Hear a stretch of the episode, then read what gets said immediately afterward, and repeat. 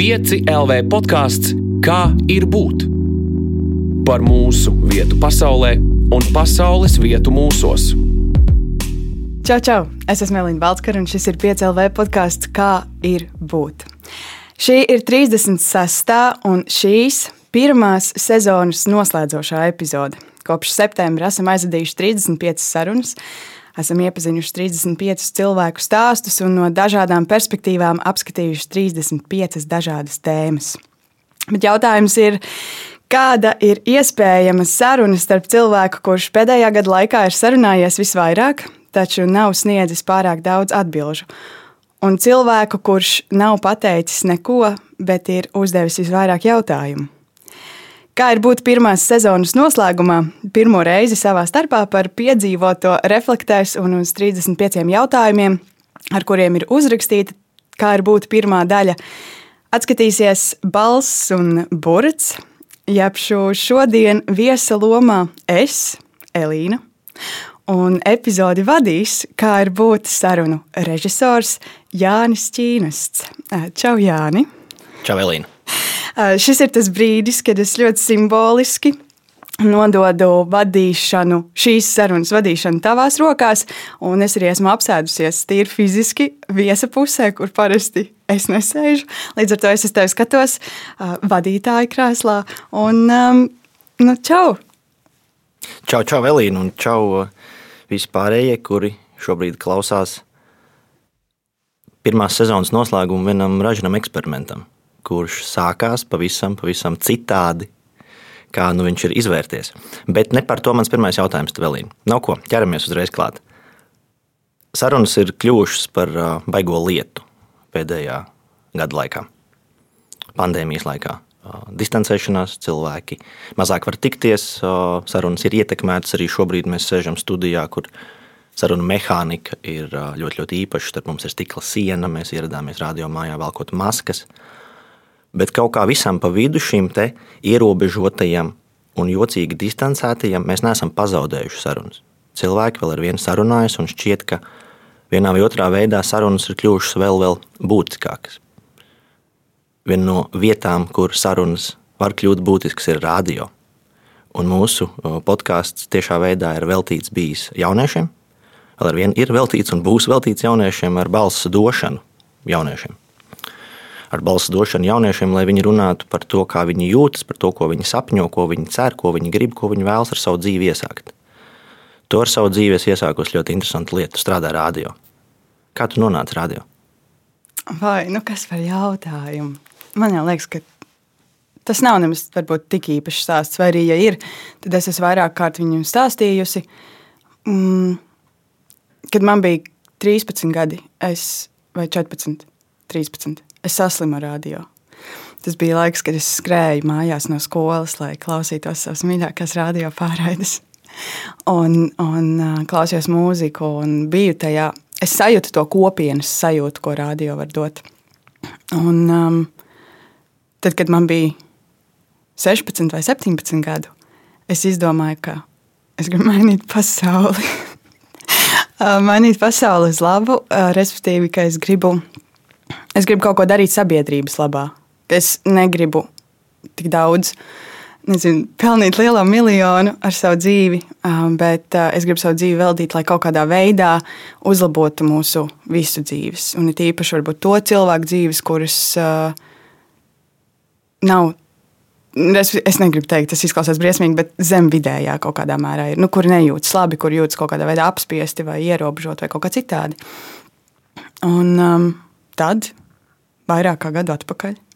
Ļoti parastā veidā ar izsludinātu konkursu pieteikšanos tam un iziešanu cauri vairākām kārtām. Es eh, tiku apstiprināts savā, savā amatā. Un te nu es strādāju. Bet tajā brīdī, kad es sāku strādāt rādio, man nebija ne jausmas, ka tas tik ātri aizdīs tam, ka manu balsi arī varēs dzirdēt radio, respektīvi, ka būs um, podkāsts, kā ir būt. Tas izauga no pandēmijas. Ko tavuprāt nozīmē kalpot sabiedrībai? Kalpot sabiedrībai. Es tagad zinu, kā jūtas tie cilvēki, kas sēž šajā krēslā, viņiem uzdod jautājumus, un tad viņi atkārto to kaut kāda frāze, lai nebūtu klusuma brīdis, kalpot sabiedrībai. Es nezinu, vai es izmantotu vārdu kalpot. Man liekas, ka tam ir kaut kāda negatīva nedaudz konotācija. Kalps liekas, tas ir tomēr kaut kādā zem kāda esošs, es zem kaut kādas varas esot, esošs, kurš, kurš iz, izpilda pavēles, kāda cilvēka dotās. Es, ne, es nedomāju, ka tas ir labākais vārds. Es domāju, mums vienkārši visiem ir nu, jādzīvo sabiedrībā. Mēs nevaram vairs atrauties domāju, no tā, tā līdz galam. Mēs esam pārāk līdzatkarīgi. Un, jā, un mums vienkārši ir jābūt sabiedrībā. Mums nav jākalpo sabiedrībai. Vai tu jūti, ka tu pēdējā gada laikā esi bijusi sabiedrībā? Jā, protams, man liekas, ka pandēmija vispār ir, lai cik ļoti mūs atrāvusi no apkārtējiem, it kā fiziski. Tieši tā fiziskā, tas, kāpēc mēs esam fiziski atrauti, ir iemesls, ka mēs esam sabiedrībā. Jo mums ir ielikās, lai mēs nosargātu viens otru, mums ir jābūt atrautiem. Tas liekas tik savdabīgi, bet tieši tas ir tas iemesls, kāpēc mēs sēžam mājās. Tāpēc, ka mēs esam daļa no sabiedrības un mums ir jārūpējas par mūsu kopējo, kopējo labklājību. Un tāpēc tā atrautība kaut kādā veidā pārvēršas, ja viņi pastāsta no otras puses, uz tieši otrādi, uz vēl, vēl vairāk izgaismotu līdzatkarību. Tādu nu, līdzatkarība arī ir negatīva konotācija, vai ne? Un gan jau, kad ir arī kaut kādas negatīvas lietas tajā, ka mēs esam ļoti līdzatkarīgi. Bet uh, tur ir arī kaut kāds skaistums, ir arī, es domāju, tā pozitīvā līdzatkarība. Jā, es tev ne par līdzatkarību, bet es tev piekrītu. Jā. Tas ir līdzīgi kā tu aiz loga ieraugi jūru, tajā brīdī, kad tu aiz loga neredzi jūru. Mēs tā kaut ko pīstam apzināmies, tad, kad mēs saprotam, ka viņš slīd no pirkstiem ārā. Uh, Tu esi kaut ko pazaudējusi pēdējā gada laikā. Un pazaudēt var arī, kā mēs tikko sapratām, arī labā nozīmē. Jā, es esmu. Labi, ka tu piebildi par to labo.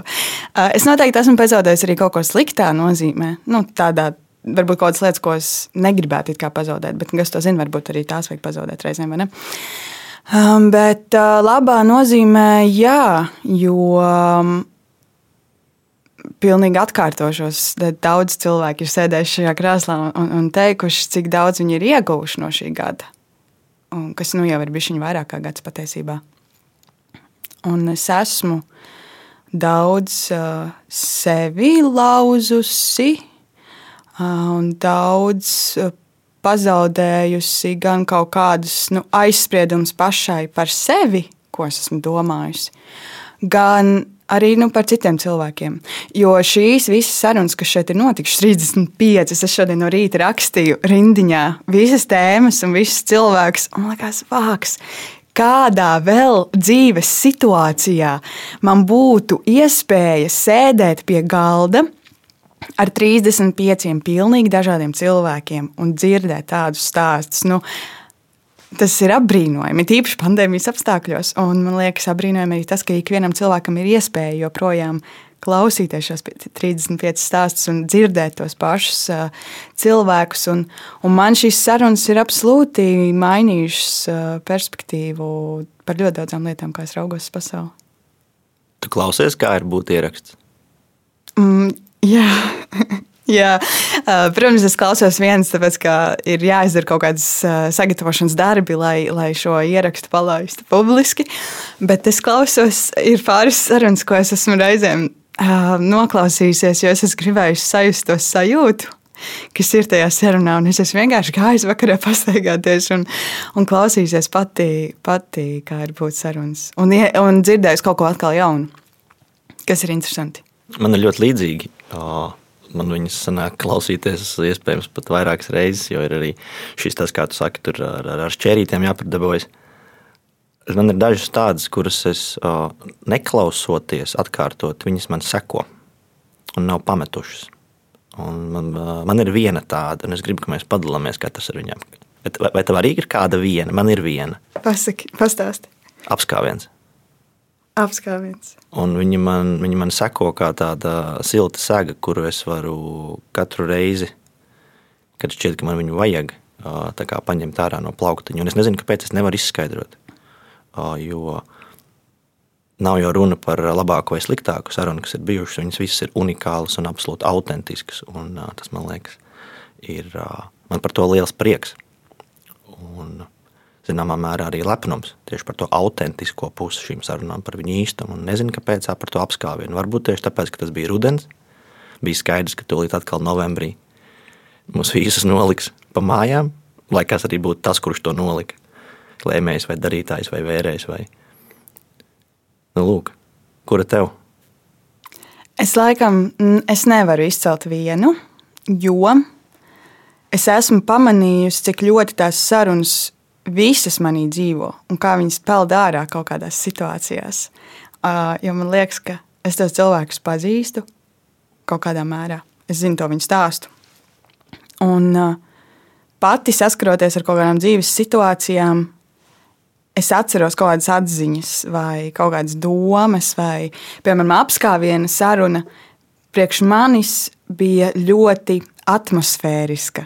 Tas bija tas brīdis, kad es sapratu, ka šīs sarunas ir, tas bija sākums. Un tas bija sākuma brīdis, kurā es saprotu, cik ļoti šīs sarunas ir tādas nu, nedaudz ēteriskas. Man liekas. Un, uh, un tas ir ar, piemēram, to sarunu, bet ir sarunas, kuras man ir ļoti īpašas tieši ar to, cik mēs ļoti esam iegājuši tādā nu, tumšā zonā, kaut kādā ziņā. Ka mēs esam uh, iegājuši tēmās, par kurām cilvēki parasti nerunā skaļi. Un tas varbūt izklausās pēc klišejas, bet, bet tas tā ir. Mums ir, mums ir stāstu vācelītē arī, arī tādi skarbi stāsti, un ir arī kaut kādi pārsteidzoši stāsti. Man, protams, ir šobrīd viss kaut kāds pēdējais desmit, man parasti ir visaktuālākais. Un es, piemēram, atceros, nesen mums bija saruna par realitāti ar eh, Erlendu, kurš eh, nodarbojas ar datorspēlēm, kas man bija svešs lauks, pilnīgi svešs lauks, un es zinu, to sarunu mēs ierakstījām attālināti. Un man pilnīgi sprāga smadzenēs kaut kas visu laiku, ik pa brītiņam. Man liekas, wow, bet, bet tas, tas var būt šādi. Un tas ir uh, lieliski. Man liekas, tas, tas, tas sprādziens smadzenēs ir, uh, ir uh, viena no vērtīgākajām lietām šajās sarunās. Tāpat kā pieredze, ko laikam jau apzināti jā, likām centrā. Kas ir tava mūža visdulākā pieredze? Tagad varētu tā spēlējoties atbildēt, kā var būt. kā var būt podkāsts. Kas īstenībā varētu būt viena no dulākajām pieredzēm. Es domāju, ka tad, kad paies vēl daži gadi, šobrīd es tajā iekšā, vēl ļoti aktīvi un, un, un vēl būsim, kā ir būt, jo nepazudīs, kā ir būt, vēl turpināsies. Um, es domāju, ka pēc gadiem man uh, liksies šī viena no, viena no dūlākajām pieredzēm, jo tad, kad tas sākās, kā jau teici, tas sākās, um, tas auga kaut kā dabīgi, man likās. Nu, tas nebija kaut kas tāds plānots, hei, jā, nu uztaisim projektiņu. tas, tas vienkārši situācijā saslēdzās un, un, un izauga līdz tam, kas tas ir šobrīd. Un tad, kad tas sākās, tas aizgāja kaut kādā kamoliņā man liekas, daudz, daudz lietas dzīvē. Un, uh, kā arī būtu noteikti ir viena dūla pieredze. Bet dzīvē kopumā nu, dzīvošana ir dūlākā pieredze. Un godu vārds. nu, labi, labi, noliekam malā uh, plašs tvērums, konkrēts gadījums. Es lik? esmu tas cilvēks, kuram nekad, nu tiešām nekad nav paticis izcelt, nezinu, mīļāko ēdienu vai mīļāko dziesmu vai vai filmu, vai vēl nezinu ko. Līdz ar to arī vienu pieredzi, jo tas tomēr beigu beigās katra pieredze jau ir arī iepriekšējo pieredžu summa. Tu kaut ko pieredzot, tu to pieredzētu citādi, ja tev pirms tam nebūtu bijusi kaut kāda cita pieredze. Un tad liekas, ka, ja es tagad izraušu vienu ārā no tā visa konteksta, tad es um, Nu, ne, nu, kā to var izstāstīt? Kaut gan muļķīgi, jo es parasti sēžu tajā pusē un prasu cilvēkiem, lai viņi stāsta savas pieredzes, vai ne, drausmas, kā es uzvedos. Um,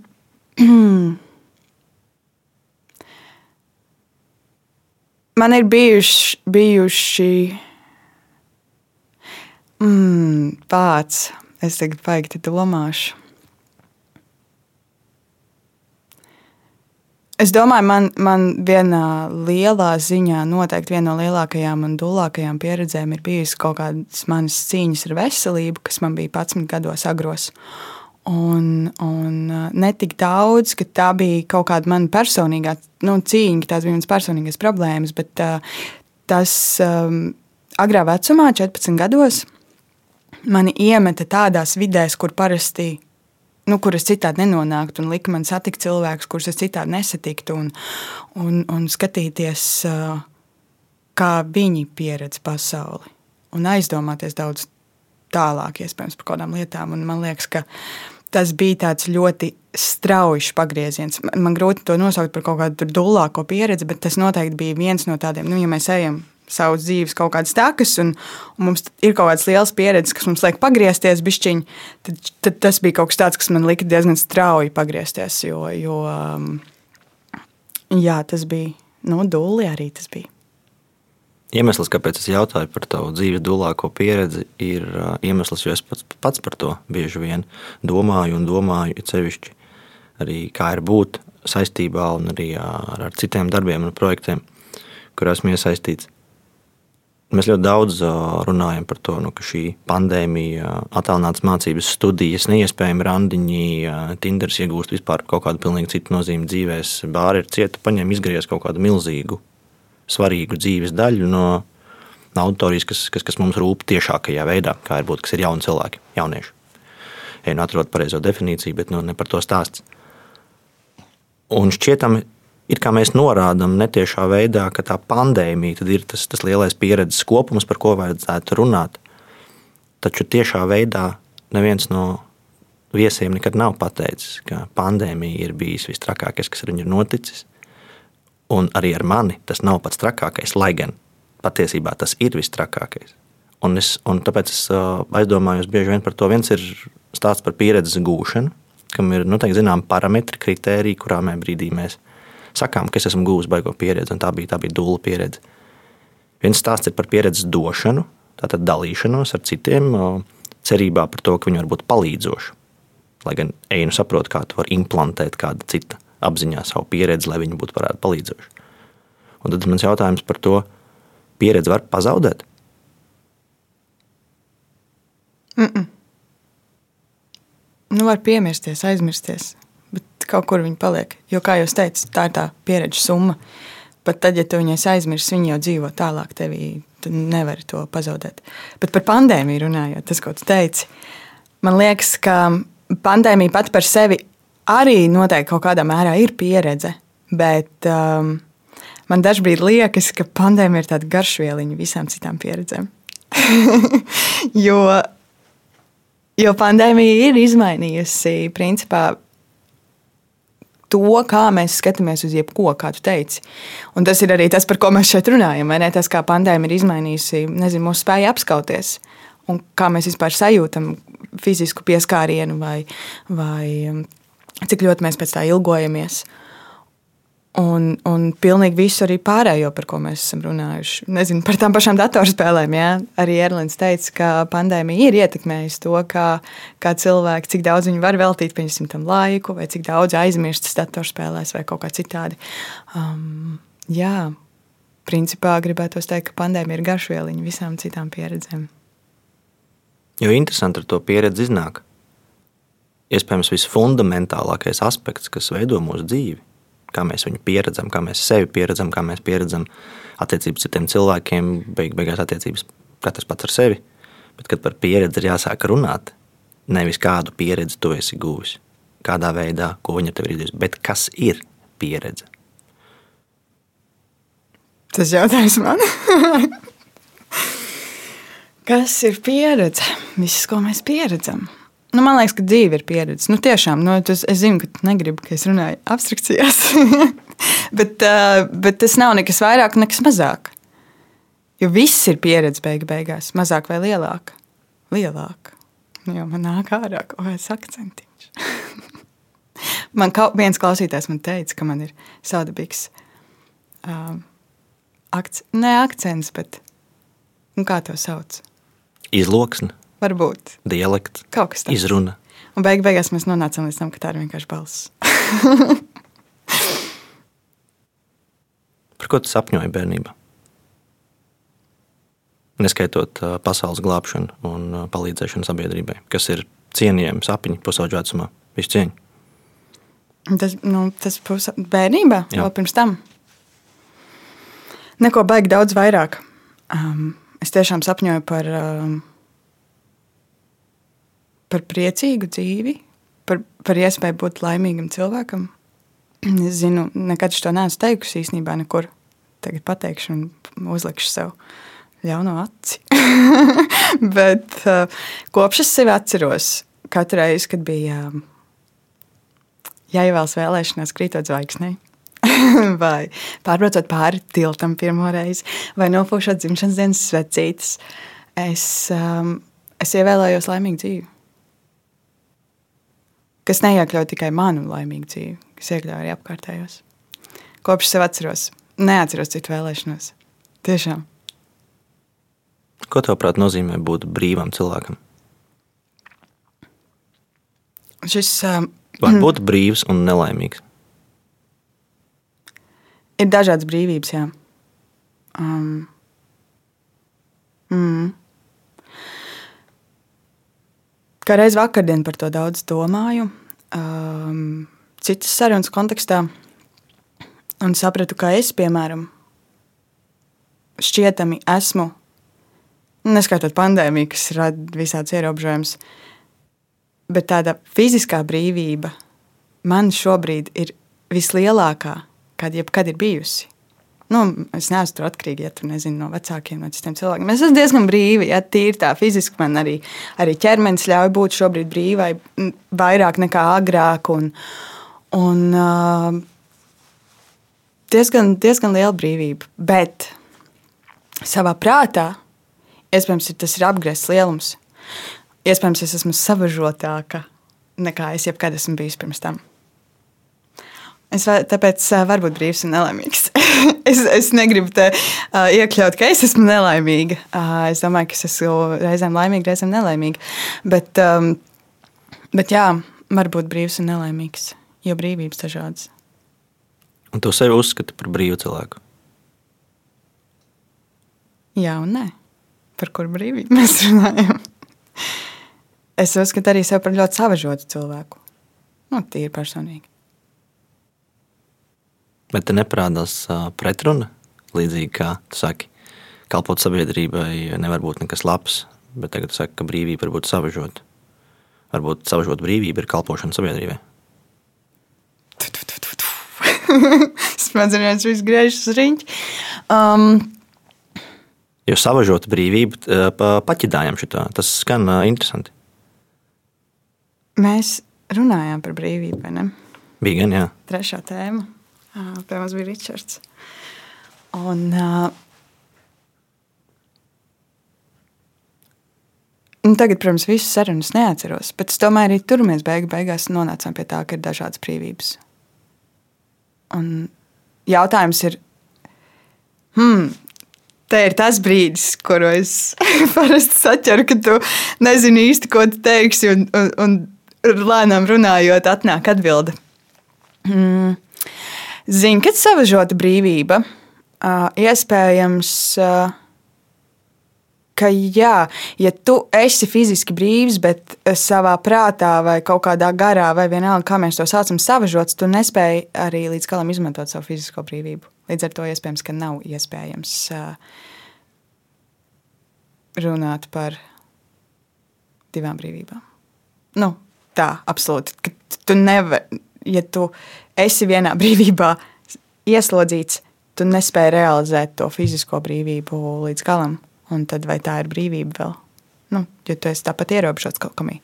Tā ka varbūt nē, varbūt uh, fiziskā un šī prāta brīvība ir lielās brīvības, divas, divi zari, kuriem, lai tu piedzīvotu pilnīgu brīvību, droši vien jābūt ir abiem, abiem uh, atvērtiem.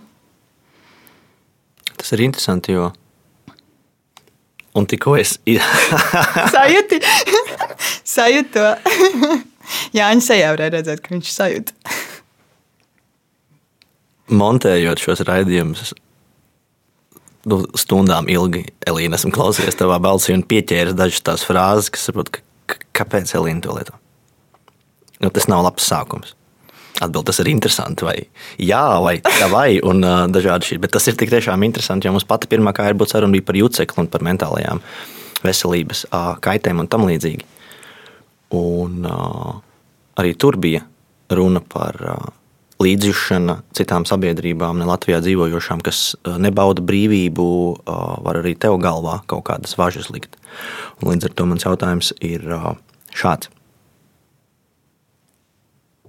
Vai iznāk, ka pandēmija, neskatoties uz visu to, ko mums ļauj tehnoloģijas, neskatoties uz to, ka neviens vīrus nevar tiešā veidā, man vismaz tā liekas, es nezinu, varbūt var, manuprāt, nevar tikt klāt mūsu uh, domām un tam, kā mēs emocionāli jūtamies. Neskatoties uz to, ja mēs esam ar 40 grādu temperatūras gultas, nu diez vai tur labas domas, var domāt, ka kraties drudzī.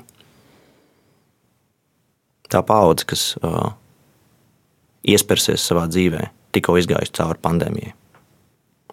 Kā tev liekas, ko viņi domās un uzskatīs, kas ir patiesa brīvība? Aiziet uz bāru vai izcīnīt demokrātisku valsti? Man gribētos domāt, ka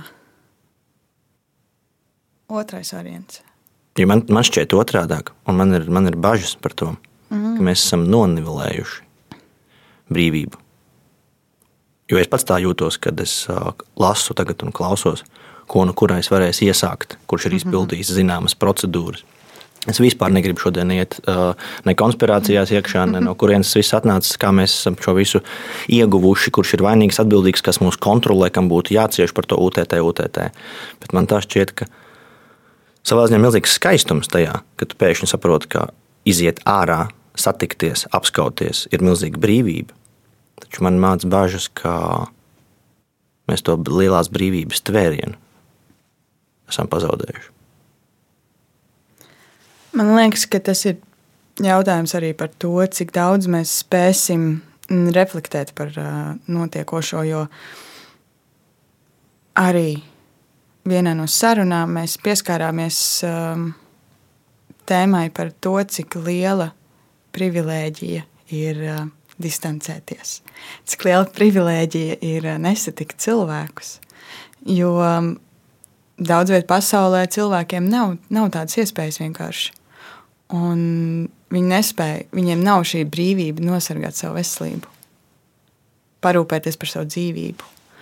Un, um, tas ir jā, tas jautājums, kā mēs uh, paskatāmies uz, uh, uz pandēmijas doto iespēju, kas beigu beigās ir iespēja mums, mūsu kontekstā, lielākajai daļai cilvēku, uh, ir iespēja um,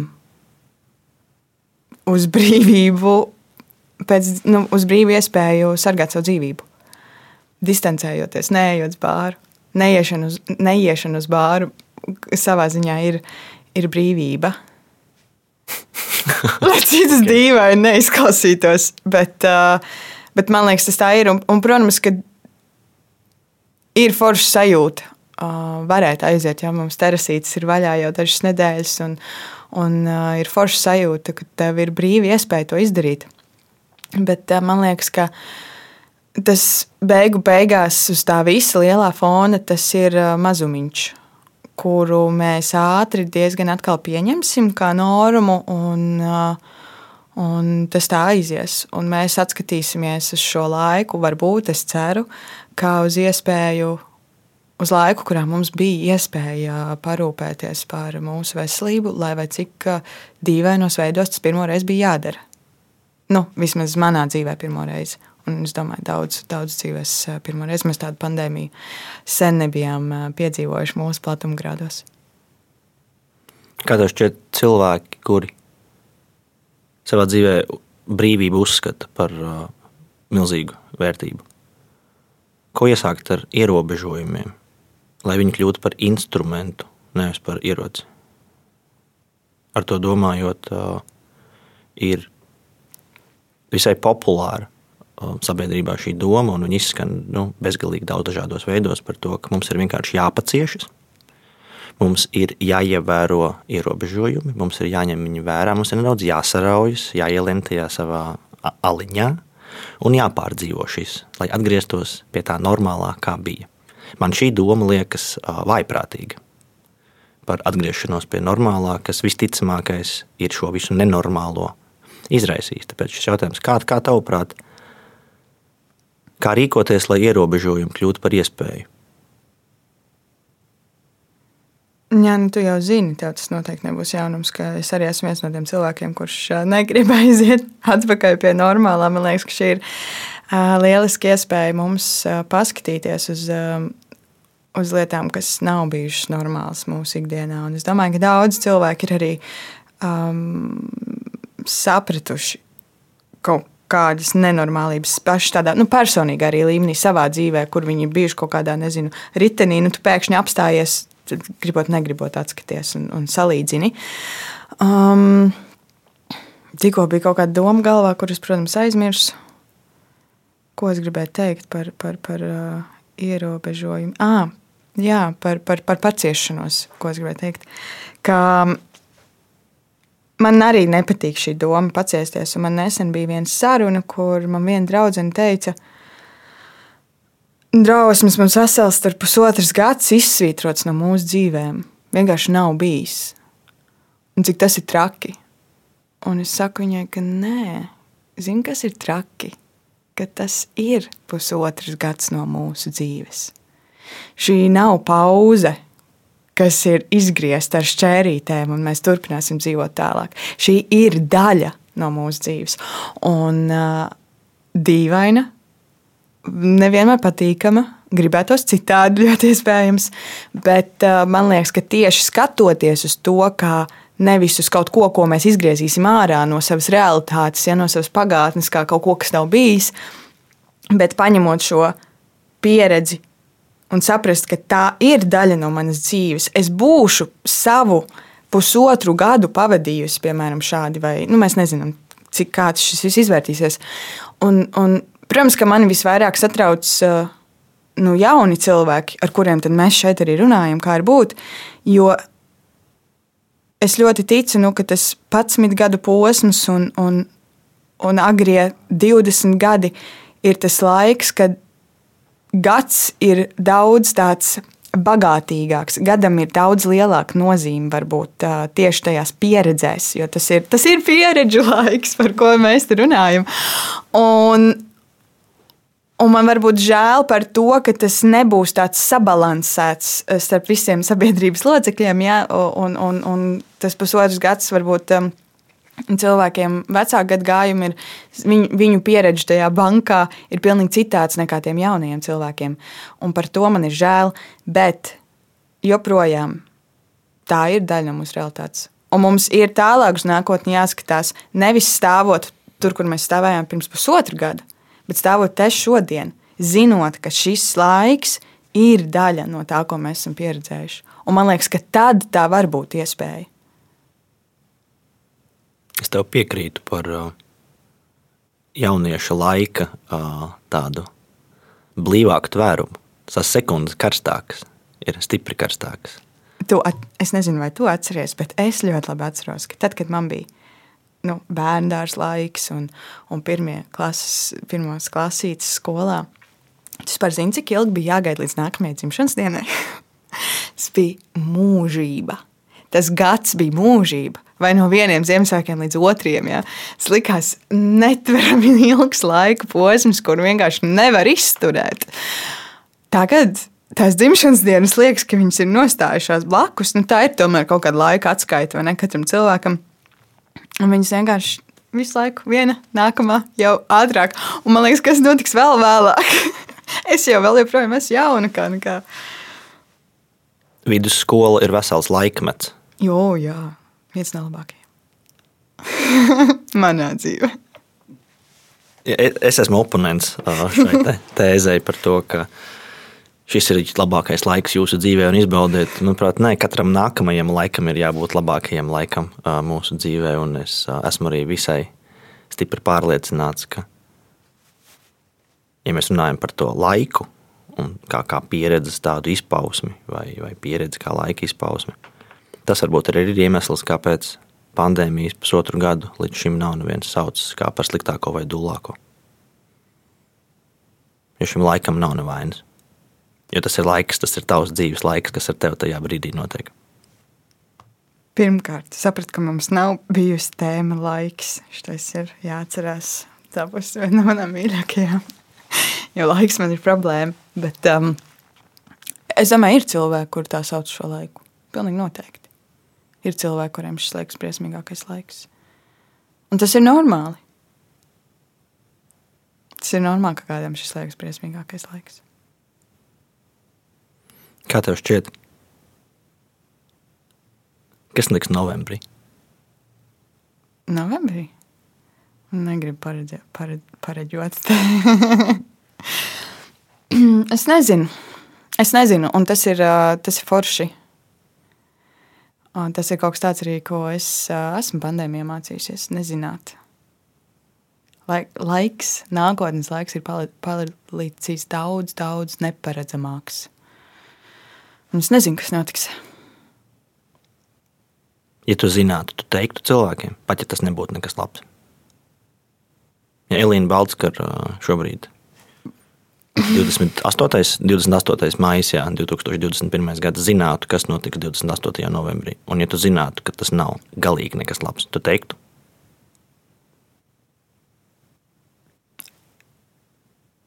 Es nezinu, ko tas mainītu, ja tam jānotiek jebkurā gadījumā. Un es ilgi par to domātu.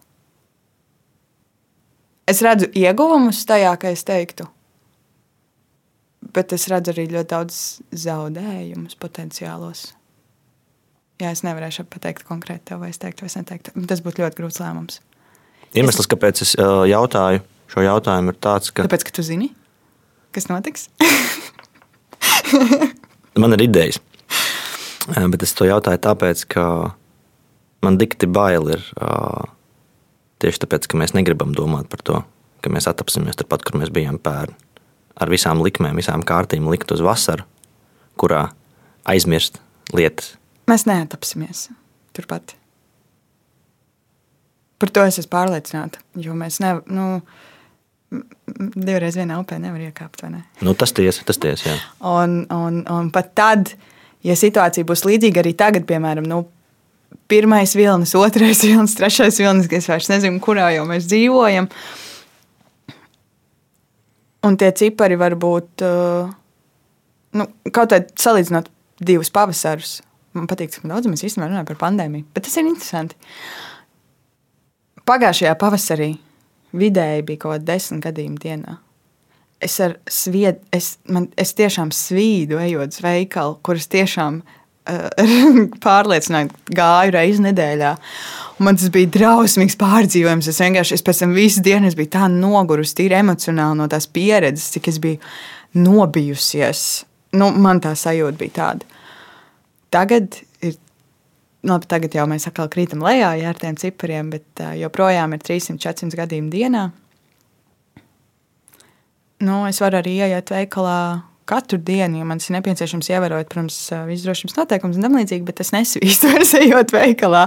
Un, un mēs varētu domāt, ka šausmas tā ir daudz trakāka nākotnē, kurā tas nonāks. Nu, skatoties, ja mēs pagājušā gada pavasarī zinātu, kāds ir bijis, būs šis pavasaris. Nevienā brīdī es neiedomātos, ka es ar tādiem cipariem varētu tik brīvi dzīvot. Nu, bet mēs esam tā sakrājuši tās pieredzes par to gadu ka mēs jau ar citu perspektīvu skatāmies. Un es domāju, arī rudenī, pat tad, ja būs slikti, slikti ar pandēmiju, mums jau ir bijusi viena rudens pieredze. Mums būs bijusi pavasara pieredze, mums būs bijuši daudz, daudz, daudz pieredzes, kuras mums varēs palīdzēt tam iet cauri. Dažas arī tādas, kuras mums tieši apgrūtinās to, jo, ja mēs jau būsim pārāk daudz pieredzējuši distancēšanos un vēlreiz pieredzēt, mums liekas, ah, oh, šausmas, kāpēc to visu vajag. Bet, um, Bet būs lietas, kas mums palīdzēs. Un tāpēc mēs noteikti nenonāksim turpat. Turpat nevar. Vai tu atceries, kas ar, ar pasauli un ar Latviju līdz ar to tāpat notika laika posmā no 2008. līdz 2010. gadam? Mm, jā, krīzīt. Lielā. Kā tev liekas, tā trauma kaut kur vēl ir? Kāpēc es to jautāju? Man, man interesē šis laika atminēšanās, pieredzes, gūta, gūtās pieredzes līdznešanas laiks. Es atceros ļoti labi to laiku. Es viņu atceros kā nevieglu, bet tajā pašā laikā es nejūtu vispār nekādu saistību ar viņu vairs šobrīd. Viņš uz mani neatiecas. Mm. Un man tas liekas uh, savdabīgi interesants jautājums arī tagad esošo apstākļu kontekstā. Vai pēc desmit gadiem neskatoties uz to, ka mēs visi būsim kaut kādā veidā šitam izbriduši cauri. Es domāju, ka jeb, visi noteikti traumēti, ietekmēties. Es, es, es neticu tāds, nu, par tādu beigu pienākšanu un pēkšņi klikt kļūst labāk. Šis ir tāds process, kurš būs jāpiedzīvo, viņam jāiziet cauri. Tas man šķiet ļoti interesanti. Vai, vai pēc lielām traumatiskām pieredzēm, kas ir mēdz būt arī dzīvi mainošas un, un līdz ar to arī dodošas mums nu, kaut kādā veidā kurā brīdī mēs pārstājam viņus attiecināt uz sevi. Mēs viņus atceramies, mēs zinām, kā tas bija, bet mēs nevienā brīdī vairs nerīkojamies savā ziņā adekvāti pret šo traumu. Nu, finansiālās krīzes dēļ mums būtu visiem vēl ar vienu ļoti rūpīgi jāizturās pret saviem ienākumiem. Vai tā cilvēki dara? Nu, tā nešķiet, ņemot vērā, kā teikt, būvēt lielveikalu vai jaunas mājas kamēr vecs stāv ar akliem un skumjiem logiem. Mm. Līdz ar to pēc šī garā, garās ekspozīcijas jautājums ir tāds, ko Elīna Baltskara iesāks 2030. gadā. Es domāju, ka manī dzīvos pandēmijas pieredze. Tāpat kā manī dzīvo uh, lielās krīzes uh, pieredze. Jo pat tad, ja es uz to nu, tieši neatsaucos kaut kādā veidā. Un tas ietekmē man dzīvi, tas ietekmē manas pieredzes. Un es atkal pasaku to pašu, ko es pateicu jau pašā sākumā.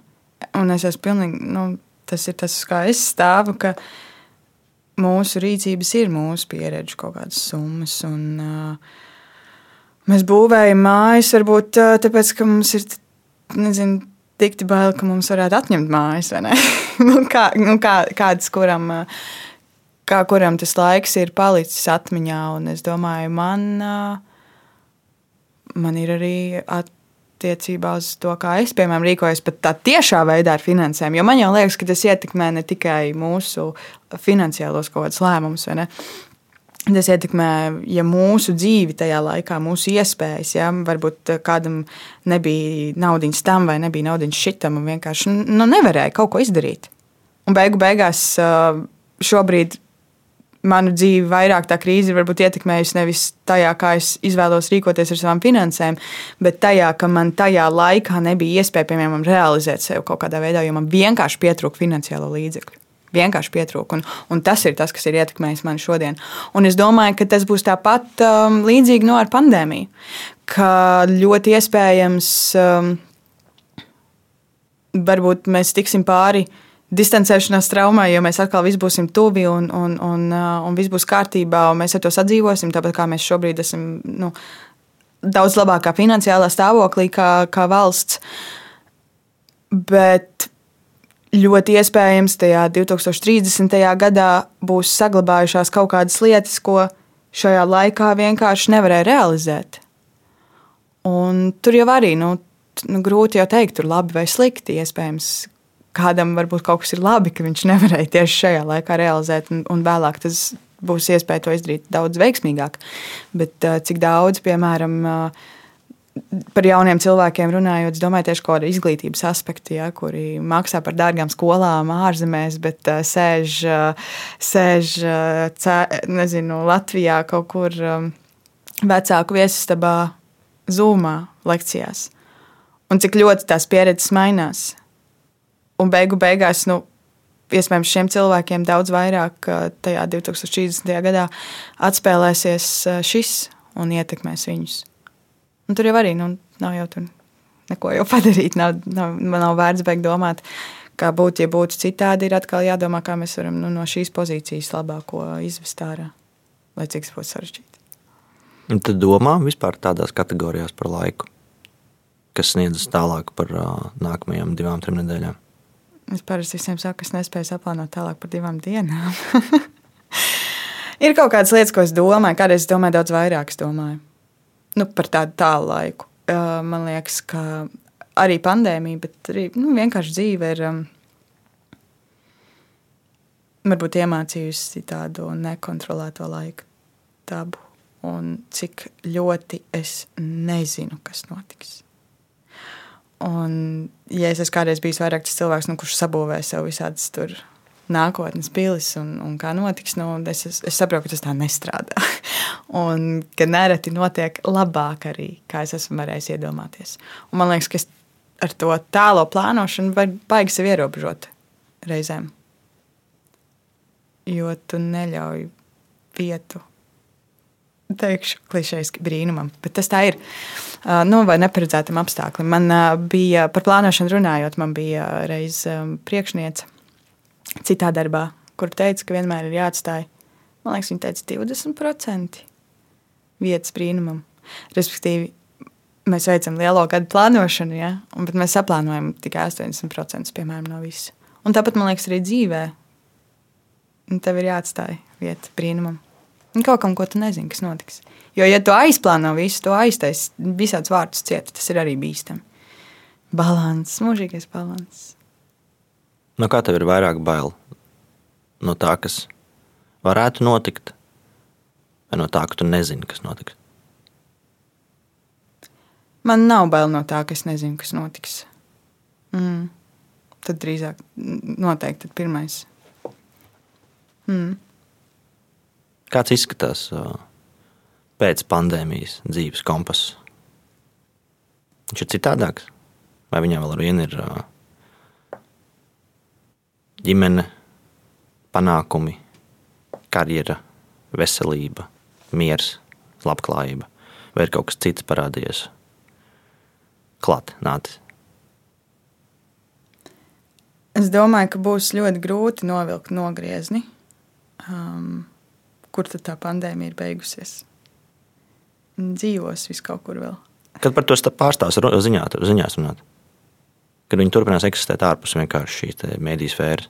Es domāju, ka tad, tā, tā ir tā mūsu hiperkonektivitātās pasaules diezgan labs nogrieziens. Kad par to pārtrauc runāt, kad uzrakstīs mm. vienu vai otru Latvijas lielo mēdīju web adresi, atvērs viņu, un tur pirmā ziņa būs kaut kas cits. Tad man ir jautājums tev.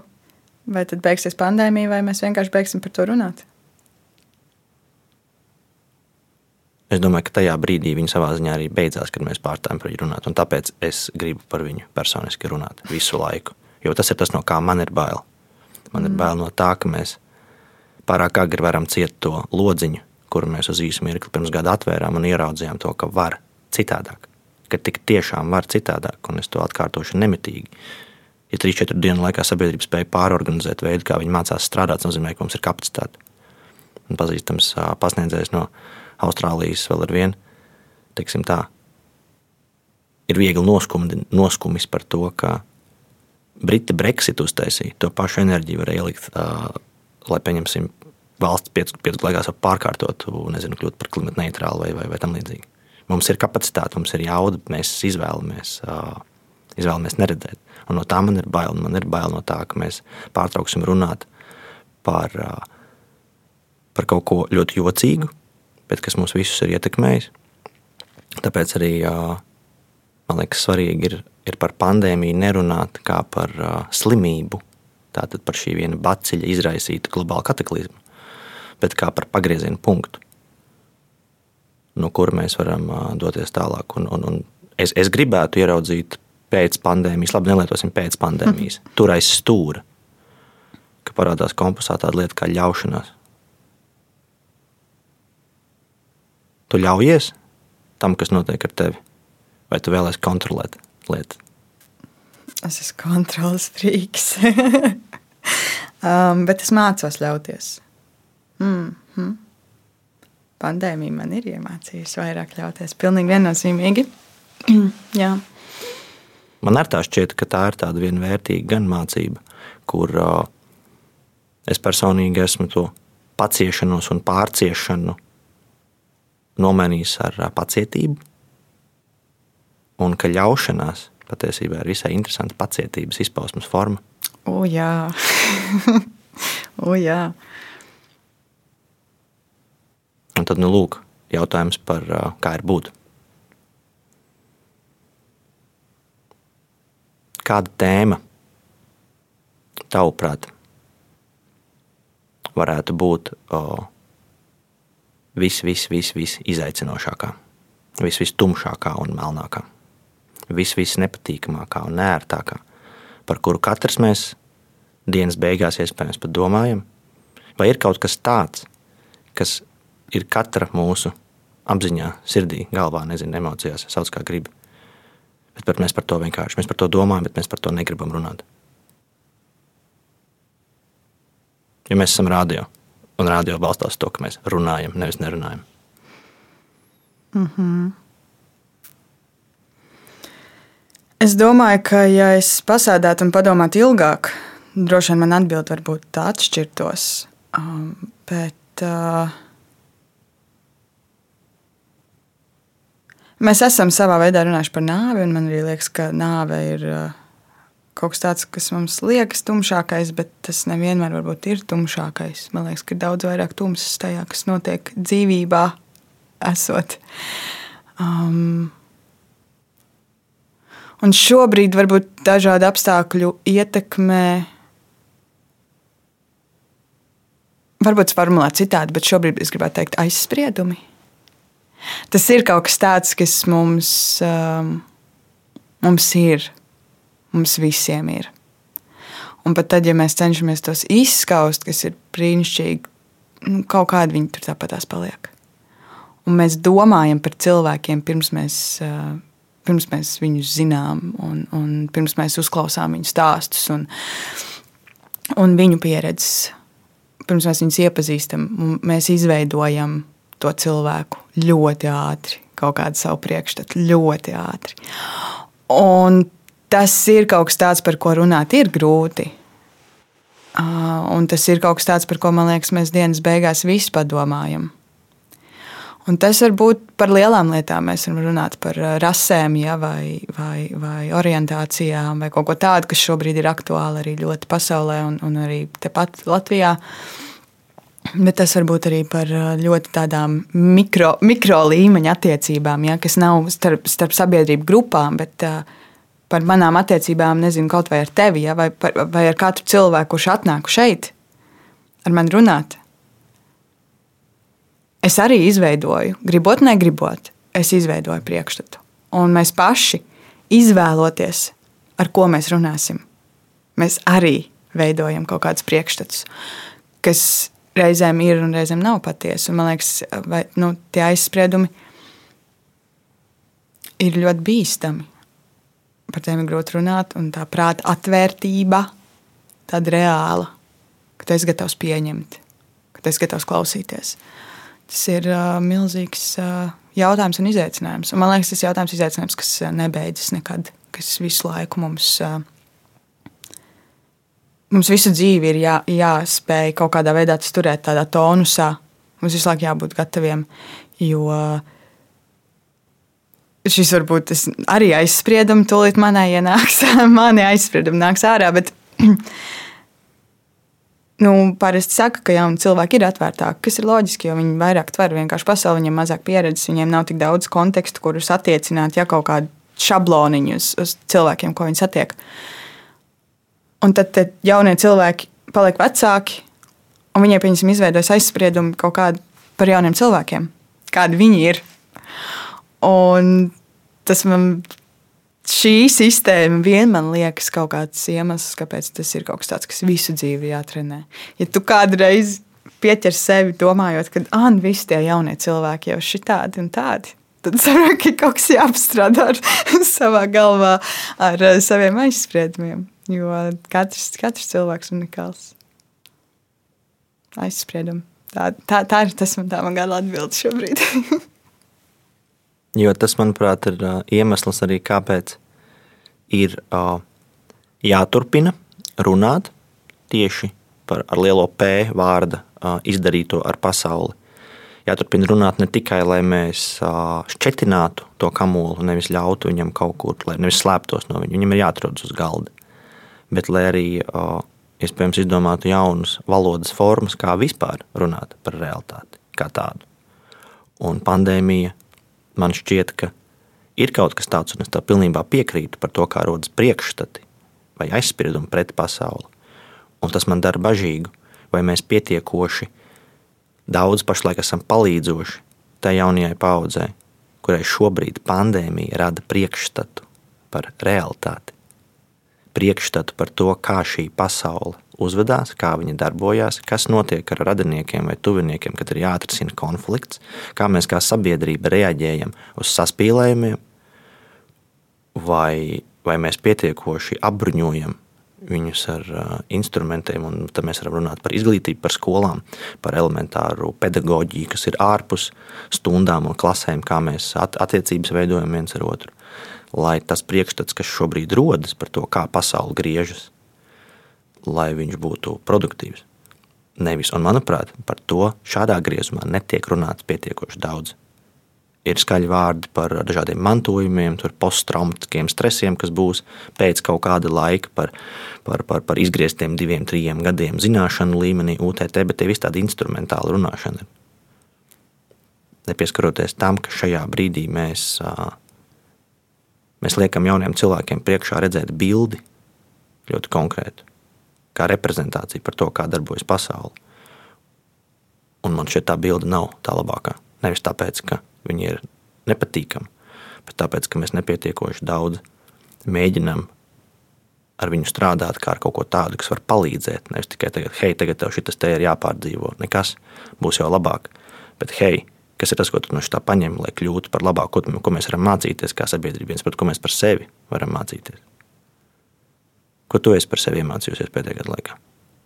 Kaut ko tādu, kas tev nepatīk, bet tu esi iemācījusies. Daudz, daudz par sevi iemācījusies. Tādu rīktīgi sliktu lietu. Oi, rītīgi slikta lieta. Rītīgi slikta lieta. Un kas ir slikts un kas labs? Labais un ļaunais. Rītīgi slikta lieta, rītīgi slikta lieta. Jādomā.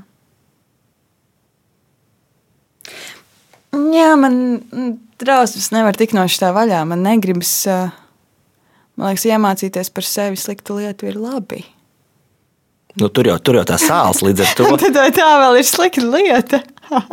Tāpēc, ja tev būtu jāatbild no šādas pozīcijas, kura apjausma par to, kas ar tevi kā ar cilvēku ir notikusi, neskatoties to, ka varbūt viņi par tevi, par tevi ir pavēstījusi kaut ko tādu, kas tev pašai. Man tāds ir daudz pēdējā gadā. Esmu paskatījies, wow, Jāni, man ir kauns par sevi, bet es jūtu, ka tas man ir iekšā tā gaisma, kas ir pieejama, ir tūs, kļūst spožāka, bet daudz arī tumšas lietas ir kļuvušas dziļākas.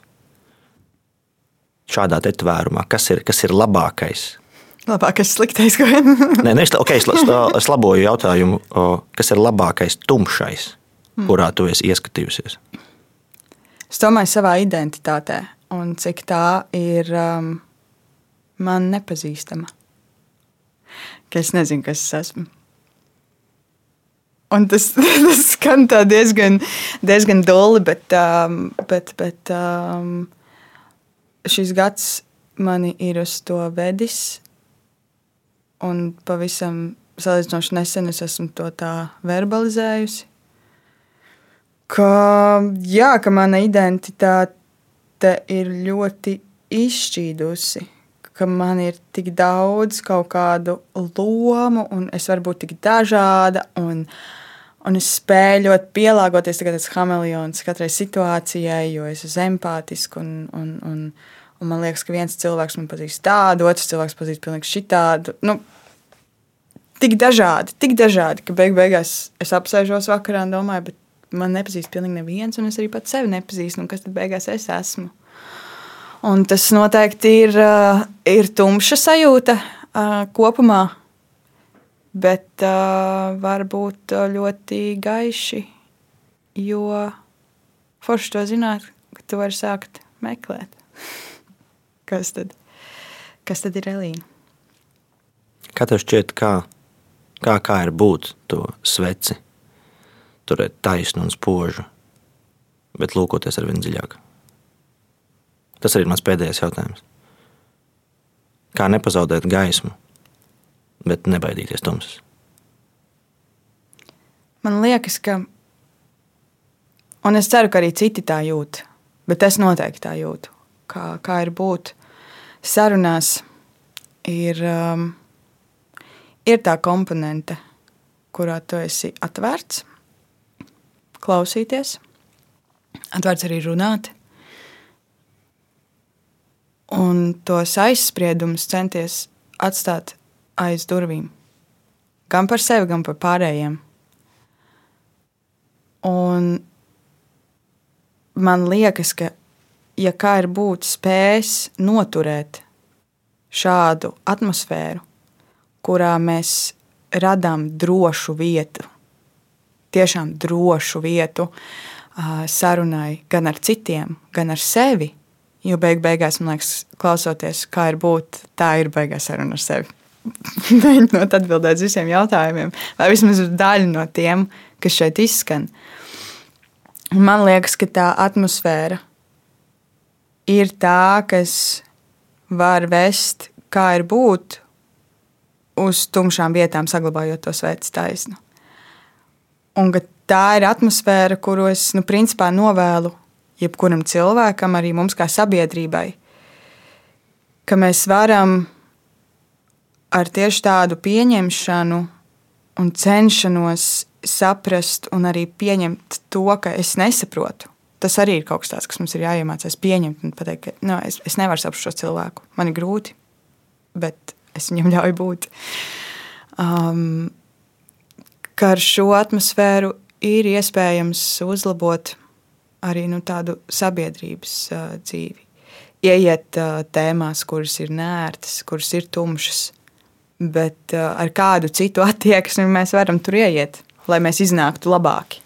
Jo, ja mēs ieejam tajā tumsā ar tiem saviem aizspriedumiem vai kaut ko citu, nu, mēs sākam dusmoties vai, vai kaut ko citu. Nu, kāda nu kuram tā reakcija?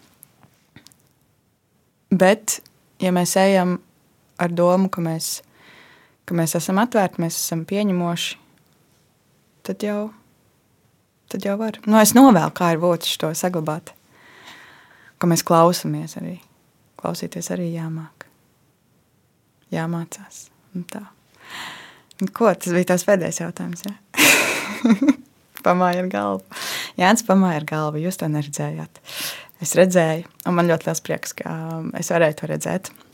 Sēžot šeit, uh, otrā galda pusē, nevis tur, kur sēž parasti. Um, šī bija 36. kā ir būt saruna uh, par uh, būšanu.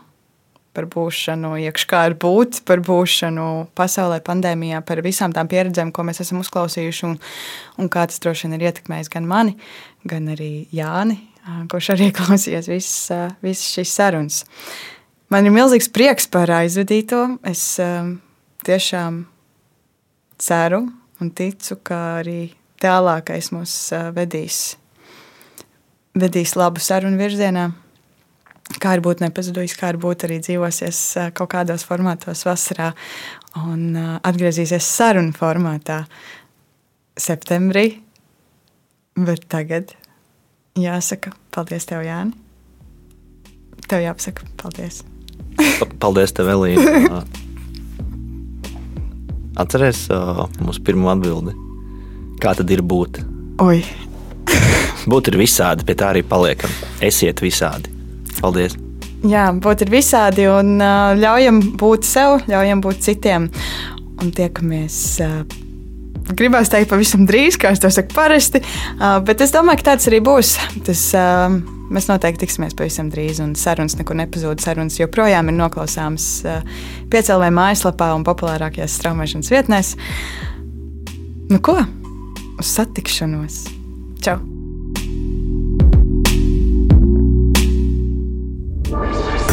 Projekts tapis ar Eiropas parlamenta finansiālo atbalstu.